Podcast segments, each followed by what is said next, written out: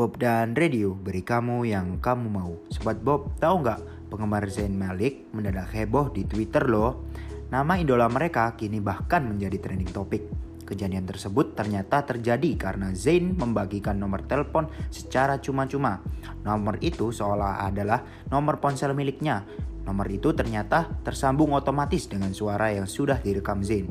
Cara itu ternyata dibuat oleh sang mantan personel One Direction ini untuk mempromosikan album barunya. Zayn memang tengah sibuk mempromosikan karya terbarunya. Diketahui album terbarunya bertajuk Nobody Is Listening sudah direncanakan rilis pada 15 Januari 2021 mendatang.